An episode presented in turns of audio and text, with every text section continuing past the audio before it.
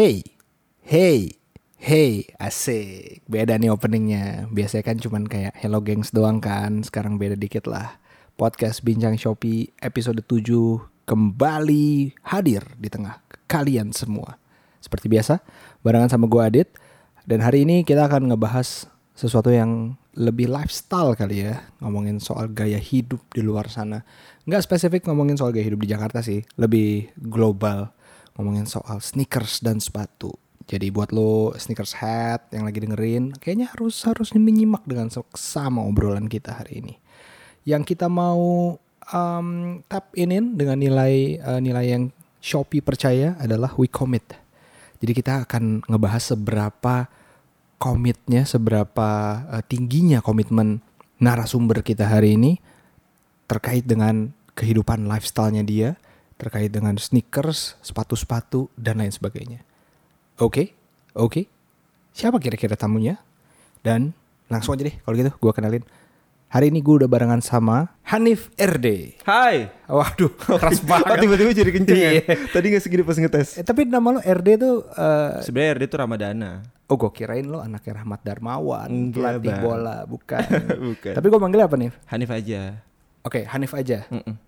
Hanif Tot. Hanif. Han- Bukan, Hah? bukan Hanif aja Hanif aja.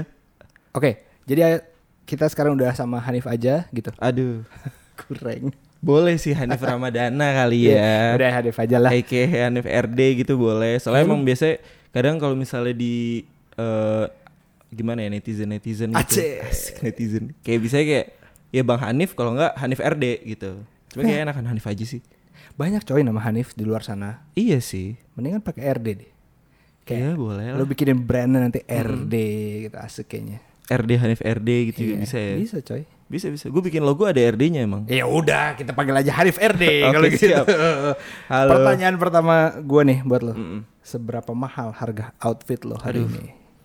Ini mau pertanyaan jujur atau mau pertanyaan bikin seneng? Jawaban dong, bukan pertanyaan. Oh ya salah. Gimana? mau jawaban jujur apa mau jawaban bikin seneng? Jujur, jujur. Gue kalau mau jawab jujur, gue nggak suka ditanya itu.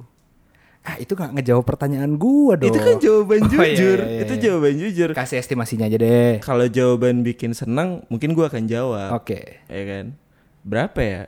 Hmm, T-shirt lo deh, t-shirt lo. Oh sekarang nih. sekarang. Oh sekarang. Mas besok. T-shirt gue ini eh, salah satu yang gue suka lah soalnya Nah. dia itu kolaborasi brand lokal sama Sabotage. Dia tuh kayak Hmm.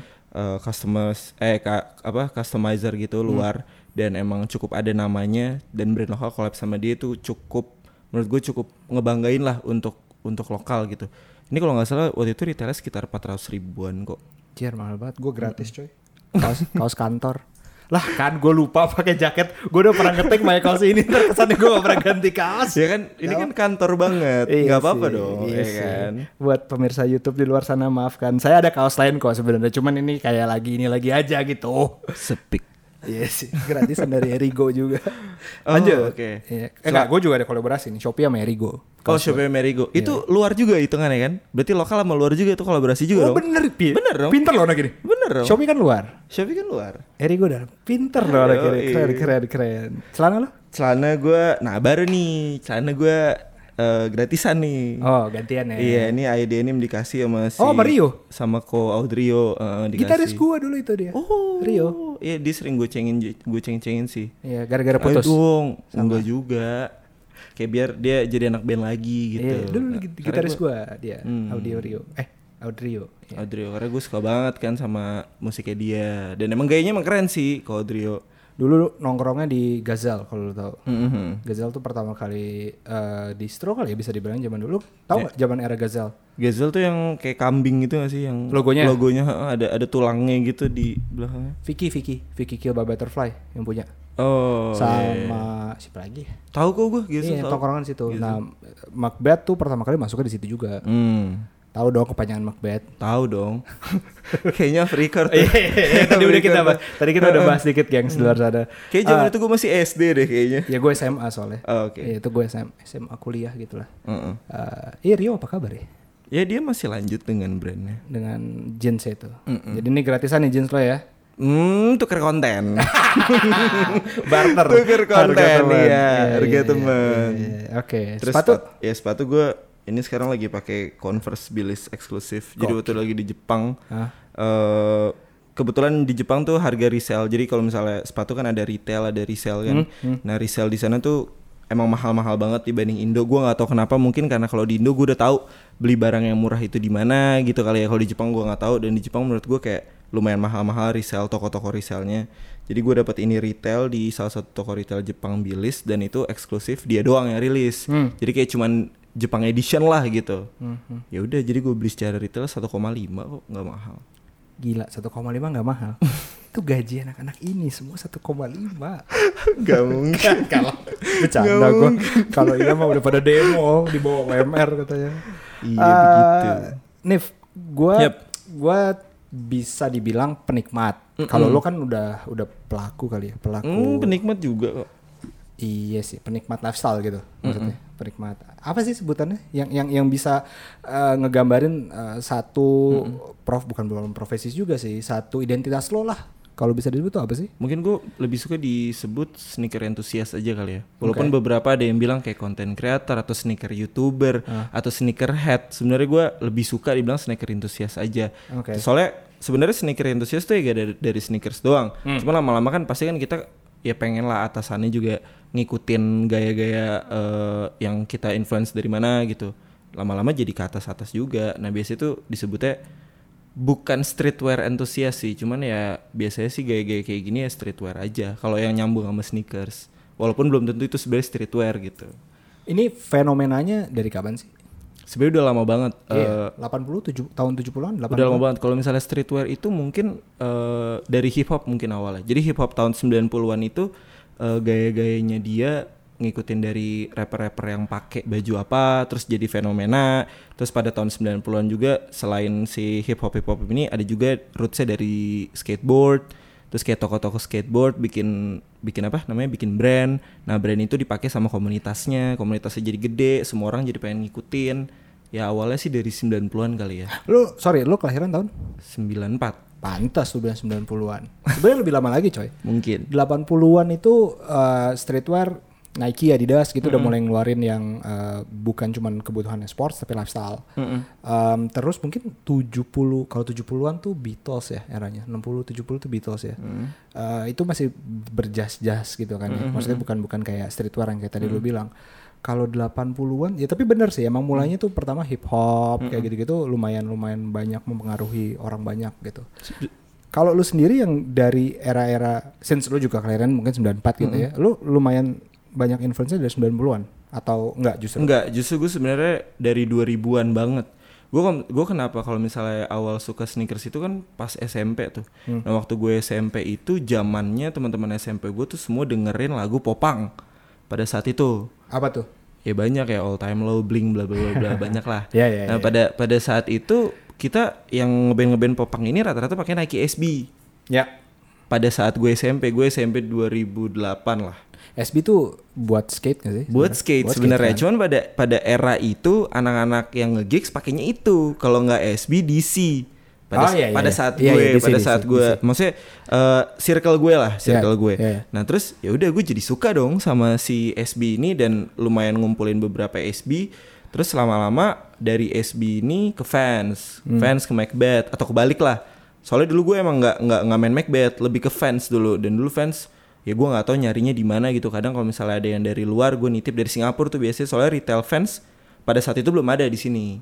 Awalnya sih pas SMP sih gara-gara musik gara-gara band. Jadi- bukan gara hip hop bukan gara-gara hip hop gue malah.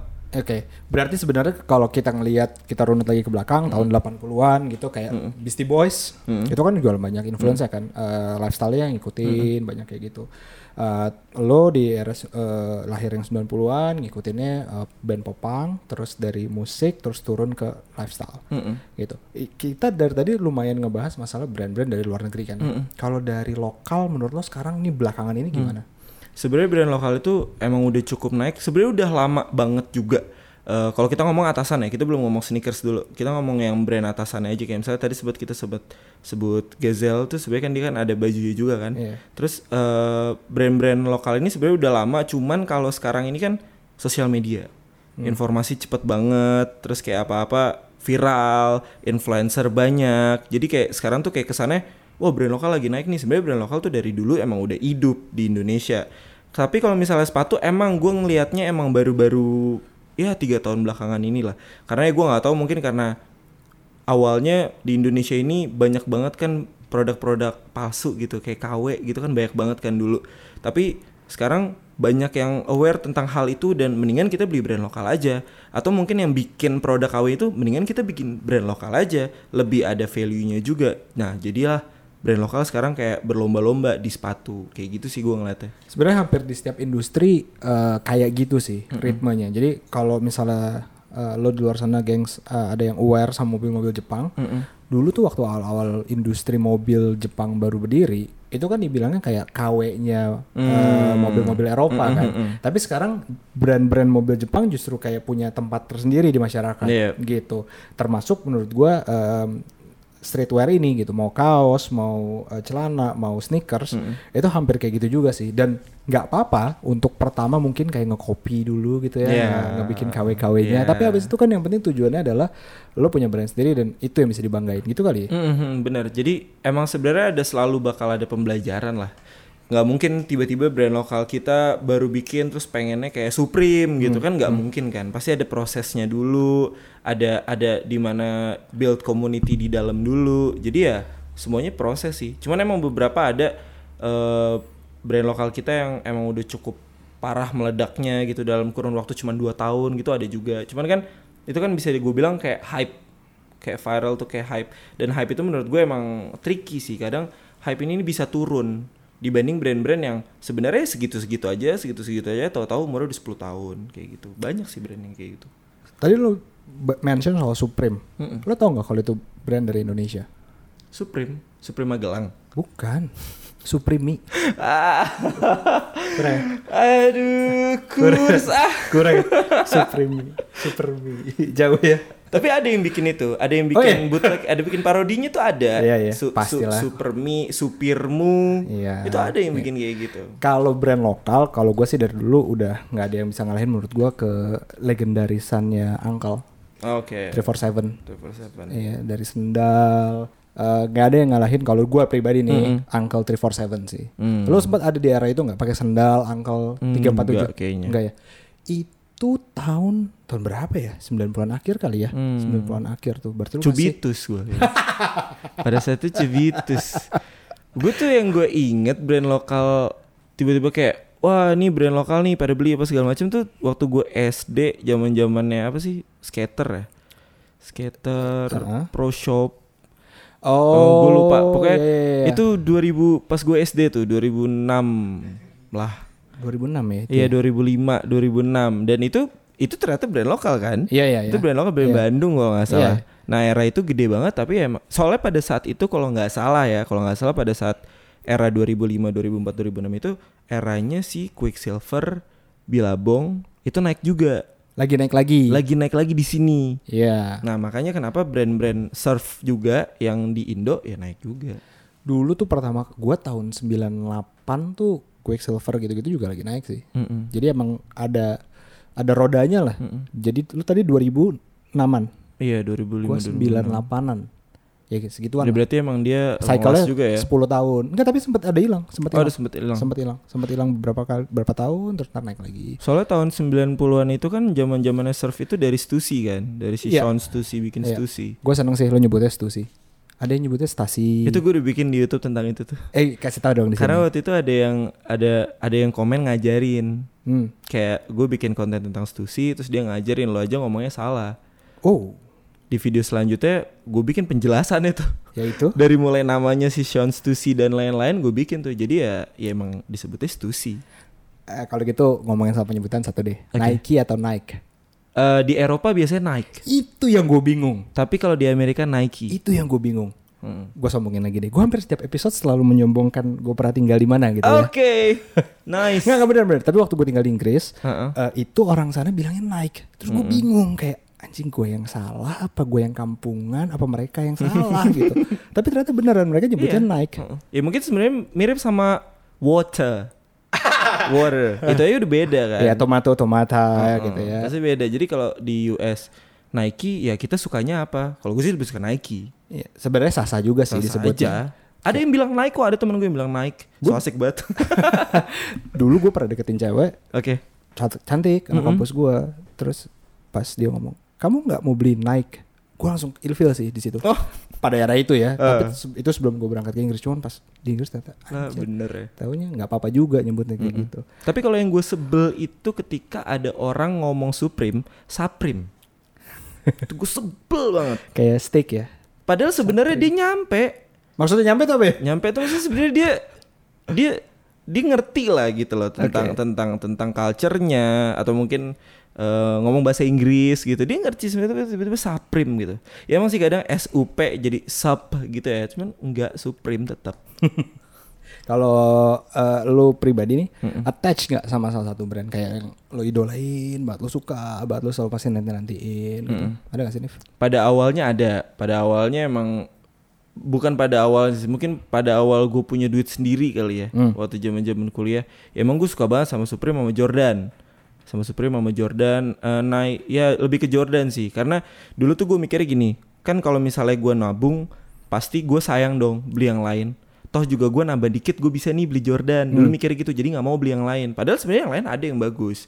Lo tuh gue kuliah sempat naik NB itu sempat naik. Cuman eh, pada saat itu gue suka yang namanya eh, Supreme sama Jordan cuman ternyata gue itu ada satu yang gue kurang suka kejelekan gue sendiri di mana ketika sesuatu lagi rame gue jadi males nah ini Lu pengen beda. sebenarnya kata orang ini bagus tapi buat gue ini nggak bagus-bagus amat Iya. karena kayak ya gue jadi males gitu gue ketika ketika Supreme atau Jordan tiba-tiba aduh kayak rame banget orang-orang pakai udah gitu yang stylenya aneh-aneh yang menurut gue sorry to say kayak menurut gue eh makainya nggak gini deh kayaknya supaya keren gitu. Walaupun gue juga nggak tahu sebenarnya gimana supaya keren pakai barang-barang itu. Tapi menurut gue nggak keren jadi kayak males gitu. Akhirnya gue udah gue pakai yang lain aja makanya sekarang gue mulai pakai yang anti mainstream low key tapi ya beda aja sama orang lain. Yaitu kayak gitu. Ya banyak kayak sekarang gue udah mulai nggak ke Jordan doang. Walaupun zaman Yeezy gue emang nggak suka maksudnya gue emang nggak paham-paham banget Adidas dan pada saat Yeezy viral banget ngantri banget gue nggak pernah beli gue nggak pernah ikutan. Karena emang gue nggak suka Yeezy itu sendiri. Nah pada saat Yeezy naik itu gue bangga banget dong pakai Jordan. Soalnya Jordan belum naik tuh belum naik naik banget lah dibanding Yeezy pada saat itu. Terus ketika Jordan naik banget terus Yeezy tiba-tiba hilang ya gue yang pakai Jordan jadi rada-rada mager gitu. Akhirnya gue beli yang lain aja deh kayak gitu. Oke, oke. Tapi secara brand uh, association lu sebenarnya nggak nggak terlalu touch sama nggak terlalu sih cuman kalau emang harus banget milih ya Ya. Nike Nike. kalau harus banget milih Oke. Eh, atau lu tipe orang yang kalau misalnya eh untuk streetwearnya Nike, kalau untuk yang mungkin eh, aktivitas olahraga benerannya Adidas, gitu kan suka ada juga. Hmm, gitu. ada ada Lu kayak gitu juga atau lu beneran attach atau associate ke satu brand itu? Adidas itu salah satu sepatu yang super nyaman banget. Ultra Boost dia buat. Itu nyaman banget untuk lari bisa untuk lifestyle juga bisa. Eh sebenarnya gue punya Adidas itu Pure Boost dan itu enak banget buat lari. Tapi gue cuman punya itu doang. Oh nggak sorry satu lagi. Gue punya sepatu basket eh, dari Rose eh, 5 Boost. Itu karena emang gue suka dari Rose pada saat itu waktu dia jadi ya pokoknya dia MVP muda gitu. Terus kayak ya udah cuman gitu aja tapi kalau Nike tuh kayak mungkin new release-nya dia yang emang spesial gitu kayak kolaborasi sama siapa atau dia OG-nya itu gue pasti kayak pengen nih pengen nih pengen nih pengen nih kayak gitu jadi kayak mungkin lebih Nike sih Eh, spesifik ngomongin soal sepatu, Mm-mm. gue dulu pernah punya Air Max. Mm-mm. Zaman-zaman awal gue kuliah kali ya. Mm-mm. Sama kayak lo baru eh, dapat kerjaan pertama pas lagi kuliah, terus nabung-nabung-nabung dapat lah Air Max. Karena gue suka banget sama nih sepatu, gue jaga dong. Mm. Terus gue bersihin lah, pakai rinso. Rusak, hancur. Umurnya cuma Air tiga. Max One ya Yang biru, ya Air Max One. Ya. Air Max One iya dia Bawahnya kan crack. gabus kan. Mm-mm. Terus gue cuci pakai rinso, gue rendem. emang Gak tahu waktu itu caranya gimana tiga bulan tuh doang umurnya gila udah beli mahal-mahal lo kasih tahu dong buat eh, gengs di luar sana kalau nyuci sepatu one on one sneakers terutama ya yang yang bahannya bisa macam-macam gitu. Ada kanvasnya ada leathernya dikit ada eh, apa lagi sih biasanya bahannya? Ada plastik-plastik kayak gitu. Itu one on one kalau buat di rumah gimana sih? Sebenarnya yang paling susah itu menurut gua kalau lu nyuci sweat atau hairy sweat Hmm. gitu. Karena ketika lu setelah sama sebelum cuci nih sweat nih pasti beda nih hasilnya nih. Nah biasanya nih eh, brushnya tuh beda sendiri. Itu atau enggak sekarang lu udah banyak banget jasa-jasa cuci sepatu. Mendingan kasih ke mereka aja. Cuman kalau misalnya buat ngerawat sepatu supaya kelihatan fresh aja, kayak itu sebenarnya lu nggak harus full cuci semua gitu. Kayak misalnya lu abis pakai tiga hari atau seminggu cuci aja midsole sama sama outsole-nya aja. Itu bakal kelihatan fresh terus menurut gua. Soalnya gua kayak gitu. Gua gua nggak terlalu nyuci upper. Karena upper ini ya gua nggak tahu nih uppernya ribet nggak nih nyucinya. Cuman sebenarnya yang paling penting tuh kalau gue midsole-nya midsole sama insole karena itu bakal kelihatan kayak sepatu baru ya beda banget sama kalau misalnya lo makainya canvas terus lo bitter bitter tuh jadi kayak kalau lo punya sepatu terus lo beat tiap hari nah itu disebutnya bitter kayak kalau lo bikin kayak gitu kayak misalnya fans fans canvas lo setiap hari kayak gitu itu udah pasti kotor dan yang nggak harus dibersihin juga karena emang emang nyawanya dia kotor gitu Converse sih menurut gua. kalau nyawanya kotor. eh converse fans juga kok Iya ya. Kalau gue waktu pakai fans sih iya Kalau Converse soalnya makin makin Belel. bitter, makin enak dipakai kan. Mm-mm. Kayak udah makin nyatu sama sepatu lo, eh sepatu lo, udah makin nyatu sama kaki lo, Mm-mm. gitu. Nah kalau gua ngelihat lagi eh, tren mengantri, Hmm. mengantri sepatu. Mm-mm. Dulu eh sekali lagi waktu masih di luar, gua lumayan kaget sebenarnya. Hmm, ngeliat mention orang- terus ya lagi dulu. Sorry, yang sekarang di Australia. Oke. Gue di Melbourne. Oke. gue beneran kaget nggak nggak beneran. Waktu itu, iya sih ya kalau nggak salah ya. Ya pokoknya gila deh menurut gue. Hmm. Yang orang sampai ngantri bawa bangku buat nginep atau Hmm. apa. Dan kemarin fenomena itu sempat kejadian juga di Jakarta Mm-mm. gitu. Ini kenapa sih bisa ada fenomena mendadak kayak gitu tuh? Gue nggak tahu ini dibilang mendadak atau enggak ya. Mm-mm. Sebenarnya kalau fenomena kalau misalnya fenomena mendadak sih gue bisa bilang sebenarnya nggak mendadak sih.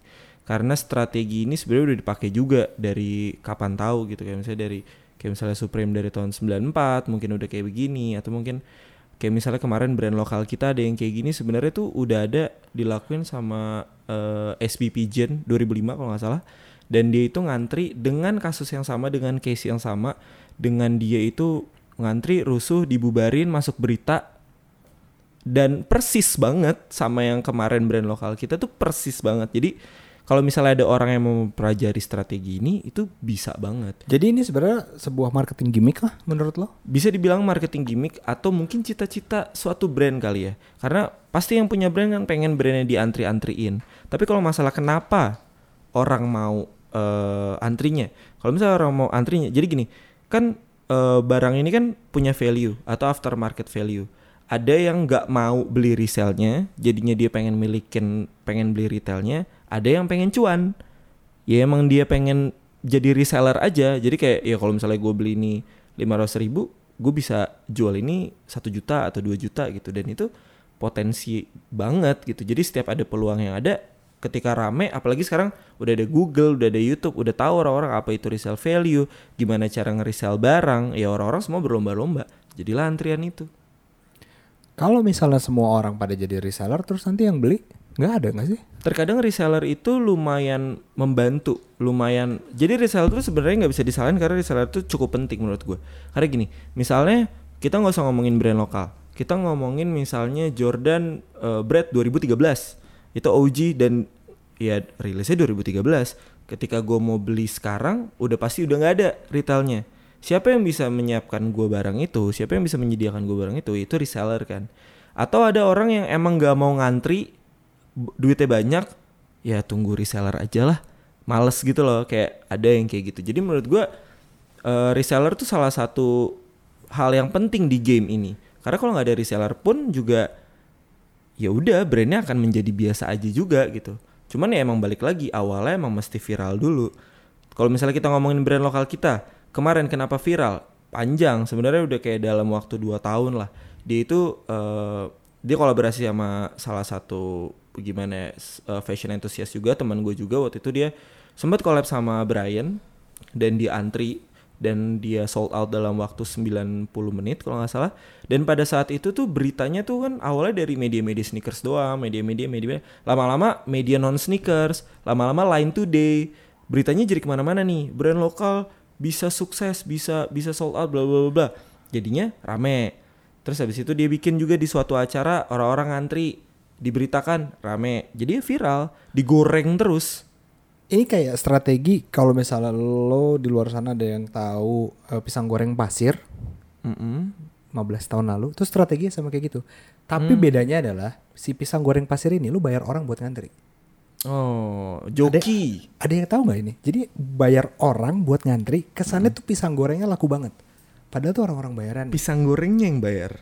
Orang iya si perusahaan pisang goreng pasir ini ngebayar orang buat ngantri. Ada di daerah Bintaro waktu itu. Itu kejadian kayak gitu. Jadi satu bulan pertama dia ngebayarin orang buat ngantri setiap sore dan akhirnya orang tertarik buat ikut ke sana.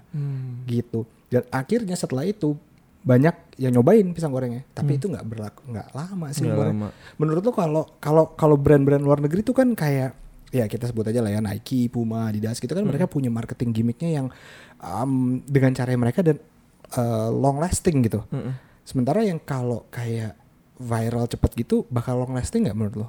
Tergantung. Oke. Jadi eh, kan ada komunitasnya juga kan. Hmm. Dan build hype itu nggak gampang. Contoh misalnya kalau misalnya kita lihat brand luar Nike eh, ngerilis Jordan pertamanya tahun 85 misalnya 85 itu ikonik banget sampai semua orang pengen semua orang suka. Dan sekarang resellnya mahal banget. Nike tuh kalau dia turun dikit nih dia turun dikit pasarnya atau misalnya hype-nya atau misalnya kayak orang-orang kayak tiba-tiba pilihnya Puma gitu. Puma Puma Puma Puma. Dia tinggal dia tinggal jentikin jari untuk ngerilis eh ret ngeretro lagi disebutnya kayak ngeretro lagi OG-nya ya orang rame lagi di Nike. Nah begitupun sama brand-brand yang sekarang viral ini. Mungkin bisa mengulang cerita cuman emang belum ada yang bikin. Hmm. gua nggak tahu ya mungkin kalau misalnya ada brand yang tahun 90-an gede banget karena kan emang pada saat itu belum sadar gua kalau gue hidup gitu kan. Hmm. kalau misalnya ada yang viral banget terus tiba-tiba dia naikin lagi sekarang ya mungkin bisa terjadi gitu cuman ya emang marketnya pasti kan berbeda kan market sekarang sama market 90-an kayak gitu sih Jordan tuh salah satu yang menarik menurut gua karena Hmm. lu tadi bilang 85. Mm. Lo aja belum lahir kan 85. Hmm. Gue baru lahir. Tapi sampai sekarang tuh kan masih ada. Jadi Hmm. tren yang berulang itu sebagai eh, tadi sneaker enthusiast gitu ya. Ada manfaatnya. Hmm, ada Kan- sih Kan kan lu lu lu spend spend spend Mm-mm, gitu. Mm-mm, ada manfaatnya. boros ya Iya. boros ya kayak konsumtif banget gitu kan Ada manfaatnya. Ada sebenarnya. Sebenarnya yang pertama paling gampang cowok itu pasti butuh hobi. Kalau nggak nanti aneh-aneh nih. Enggak. Langsung disclaimer. ya cowok butuh hobi lah, entah itu sepatu, mobil, olahraga, musik, bla bla bla. Ada yang belum lu sebutin satu. apa? Ada lah. terus terus. ya itulah, makanya cowok itu butuh hobi. Terus kalau gue gini sih, kalau gue ngambil hal eh, positifnya dari dari gue hobi sneakers ini, kayak dulu waktu gue kuliah itu seperti anak kuliah pada saat itu dan circle gue itu ya emang kita duitnya nggak banyak gitu kayak ya kita cuman ada di ATM ya paling sejuta lima ribu sejuta lima ribu kayak gitu dan dulu tuh sepatu impian gue harganya 10 juta Bread 2013 kayak itu nggak mungkin. Itu cuma anak-anak kaya doang yang bisa beli atau anak-anak yang bisa minta duit dengan mudah ke orang tuanya. Itu nggak mungkin banget. Tapi eh pada saat itu gua akhirnya 2-3 tahun kemudian itu sepatu yang pada saat itu harganya 10 juta ya walaupun agak nurun gue beli tuh sepatu. Terus kayak misalnya sepatu yang sekarang jadi grill-grill gue yang mungkin emang mahal banget yang dulu gue pikir "Eh, nggak mungkin. Ini cuman orang-orang cuman orang-orang tajir doang gitu. Dan akhirnya kebeli juga sama gue jadi maksud gue kayak ini bisa salah satu motivasi buat gue juga ketika mungkin gue lihat Lamborghini gue belum bisa beli tapi gue pasti bisa beli nanti. Ah, Jadi sneakers tuh lu jadiin benchmark lo iya. untuk sebuah pencapaian gitu. iya jadi ternyata apa aja mungkin gitu loh. Sneakers yang mahal banget yang tadi gue pikir nggak mungkin jadi mungkin. Apa pun jadi mungkin. Ya jadi YouTube gue nggak pernah mikir jadi YouTube ternyata jadi youtuber juga mungkin gitu Kalau Iya. strategi lainnya menurut lo yang bisa di bukan bisa diadaptasi aja sih, tapi bisa dijadiin eh, pembelajaran lah buat brand-brand lokal tuh. Lo kayaknya bisa bikin kayak gini deh atau Hmm. apa gitu ada nggak yang di di kepala lo? Gitu? Ada banget sih. Jadi di gue kan punya YouTube channel. Iya. Nah YouTube channel itu gue biasa bahas dulu sih. Gue sering banget bahas tentang eh, sejarah brand. Sebenarnya awalnya tuh gara-gara gue bikin sejarah enak, sejarahnya Supreme kalau nggak salah dan itu cukup meledak. Terus akhirnya gue bikin sejarah-sejarah sejarah-sejarah yang lain. Kenapa gue bikin itu? Selain eh gue cuman cerita untuk entertain aja, di situ sebenarnya orang tuh bisa ngambil nilai-nilai yang dibuat sama brand itu. Kenapa brand itu bisa jadi gede? Hmm. dan beda-beda caranya. Kayak misalnya Adidas sport banget dulu. Terus kalau misalnya Converse juga Converse sebenarnya dulu sepatu basket. Ya.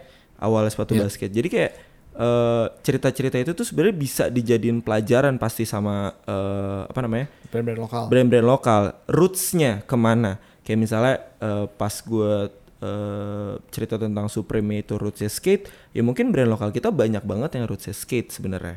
Ada yang rootsnya band.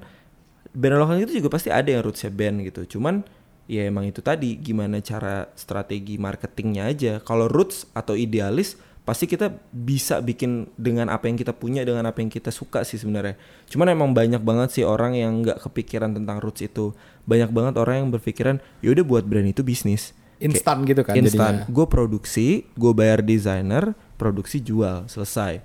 Sebenarnya kan nggak seperti itu. Sebenarnya kalau gue disuruh bikin brand sebenarnya gue ada lagi develop brand cuman emang nggak kelar kelar udah lumayan setahun. Jadi kalau gue pengen bikin brand gue yang pakai brand gue atau yang pakai kaos doang deh. Kaos kan cuman kain. Bullshit lah kalau misalnya lu apa sih bagusnya brand lo dengan brand lain? Oh gue kualitasnya bagus. Men lo ngomong kayak gitu 2020 basi banget. Kayak anak SMP bikin tugas entrepreneur gak sih? Jadi menurut gue eh, jadi menurut gue kalau misalnya ada kalau misalnya orang pakai brand gue nih misalnya ya si orang ini merepresentasikan si brandnya atau brand ini merepresentasikan orangnya misalnya misalnya gue bikin brand gue ya pokoknya brand gue ini gimmicknya sombong aja belagu nah lo yang make cocok Kenapa lu nunjuk ke gue ya? Apa gue congkak sekali sepertinya. contohnya ya, ya, ya, ya. contohnya gitu jadi kayak oh ini oh ini brandnya eh, fashionable kayak designer banget nih atau misalnya kayak geek banget nih. Futuristik, futuristik banget. Nah. Tajam-tajam, bajunya dari besi. iya jadi orang kan ya. Kayak balik lagi zaman dulu tuh kalau zaman perang buat baju zirah.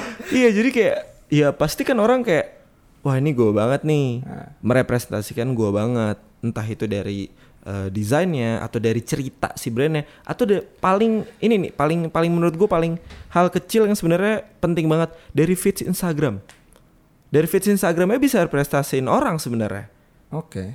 ada satu sepatu eh, lokal dia itu mirip sebenarnya sama sepatu-sepatu yang ada sekarang yang lagi rame banget sekarang yang ya sorry tuh saya kayak gue bisa bilang lah masih mirip sama Converse sama Vans gitu. Brand lokal kita masih banyak yang kayak gitu tapi nggak apa-apa masih bisa di develop lagi. Satu brand ini eh apa namanya mirip bentuknya mirip.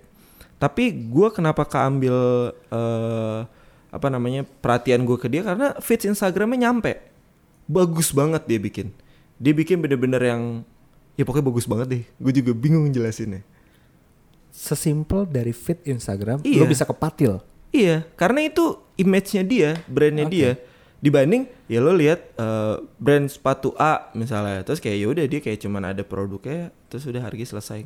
Cuma kayak gitu doang. Ya ini kayak dia bikin fits dengan rapi eh, apa namanya tone warnanya mirip-mirip terus diedit dengan super baik kayak misalnya sepatunya eh, lagi di keranjang jeruk misalnya gitu. Jadi kayak menurut gue kayak fits Instagram aja bisa ngebikin lo itu punya jati diri sebenarnya dalam brand Tadi lu sempat mention soal mungkin salah satu brand yang paling associate ke lo, yaitu Nike. Tapi kalau dari eh, lu juga banyak ngulik soal sejarah-sejarah dari brand kan. Tadi lu bilang ada Supreme lo tahu gimana, Converse lo lumayan lumayan ngikutin dari dulunya kayak gimana. Dah dari semua cerita yang em, yang lu tahu, yang punya rootsnya jelas gitu ya, brand-brand luar gitu, yang jadi cerita favorit lo yang mana? Cerita favorit gue sebenarnya Supreme sih. Tetap Supreme. karena Supreme itu dia terlihat nggak repot. Dia cuman jadi gini Supreme itu kan punya James JBA Ya. James JBA itu eh, dulu sempat kerja di toko Stussy kalau nggak salah dan habis itu dia bikin toko yang namanya Supreme. Dan Supreme ini toko toko kayak toko jualan barang-barang lain gitu Distro kalau di sini kan. Iya, kayak kayak kayak distro tapi dia yang nggak ada brand sendiri aja. Kayak dia jualan skate Oh, aja. Iya kayak Shopee dong. Iya. kayak Shopee tapi punya toko Kayak- gitu. Sa- Jadi Shopee punya toko online. oh iya online. Halus kan gue masuk ya. Bagus deh. Iya, misalnya Shopee. Iya iya. Terus dia eh, toko skate di situ, terus dia punya komunitas di situ. Akhirnya kan biasanya kan ya pasti Shopee juga ada kan merchandise. Ada, tapi Merch. nggak belum banyak sekarang. Heeh, kayak merch gitu, kayak dia bikin Eh by the way lo nggak harus bahas Shopee, coy. Gue cuma iseng doang Nggak, dari masuk selipit maksud gua- iklan gitu. ma- maksud gue Enggak, maksud gue ini umpamanya setiap setiap bisnis yang menjual barang orang lain Iya, iya. pasti bikin merch Ya. gitu kan. Nah awalnya di situ dan ya awalnya komunitasnya doang, teman-temannya doang. Lama-lama terus ada yang mau, ada yang mau, ada yang mau, ada yang mau. Terus akhirnya ya orang jadi berbondong-bondong beli merchnya doang. Jadi bikinlah si brandnya Supreme. Dan Supreme ini dia itu lama banget nggak matenin namanya sampai 2000 berapa gitu gue lupa. Oh iya. Hmm, karena yang namanya Supreme tuh banyak banget. Satu gini, Supreme itu eh, nama yang pasaran banget pada saat itu. Supreme gitu kayak pasaran banget. Yang kedua dalam segi logo dia itu sebenarnya terinspirasi sama gue lupa eh, pokoknya ada kayak desainer gitu. Dia terinspirasi dari situ dan itu bisa dibilang kalau misalnya sekarang brand lokal dihujat, ah nyontek nih desainnya. Ya Supreme juga nyontek. Pada saat itu terinspirasinya, ah gue lupa Barbara Kruger kalau nggak salah Oke.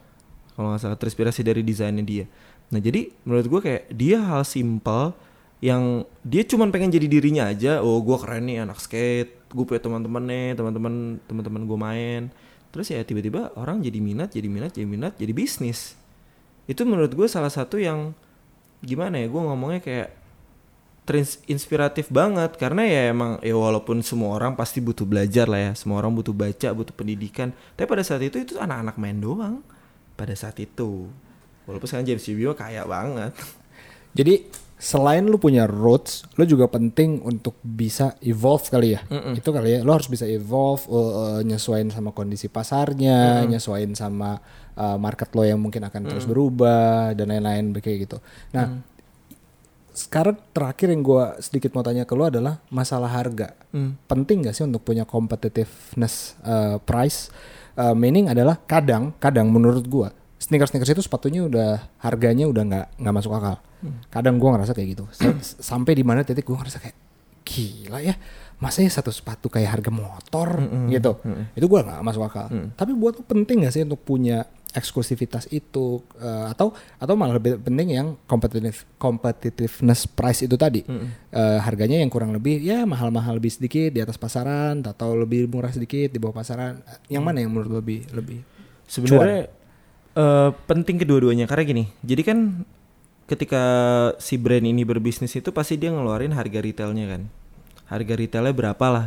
Sebenarnya harga retail ini semuanya wajar kita ngomongin misalnya Nike yang harganya kayak eh, beli motor itu sebenarnya harganya nggak kayak beli motor ada Nike misalnya Nike harga 25 juta harga aslinya cuma 3 juta cuma dua setengah juta gitu cuman yang menjadikan dia menjadi 30 juta itu marketnya Mhm. kayak misalnya eh, Nike yang Air Max jadi dia yang Back to the Future Oh, yang, iya, iya, iya. ah, yang Back Iya, to the iya. Future Iya, iya. nah Nike- dia itu sampai nyentuh 150 juta apa 200 juta gitu itu karena marketnya sebenarnya bukan karena Nike-nya. Nike-nya emang ngeluarin cuma 10 juta atau 15 juta retailnya gitu. Dan banyak kayak Jordan Jordan retailnya 2,3 2,4 terus nanti resell 5 juta 10 juta. Jadi menurut gue itu resell value-nya dia. Tapi kalau misalnya kita ngomongin harga retail as a brand sebenarnya gue nggak terlalu takut kalau gue punya brand gue nggak terlalu takut untuk naruh harga yang emang pantas. Maksudnya ya emang lebih tinggi dari dari dari pesaing gue.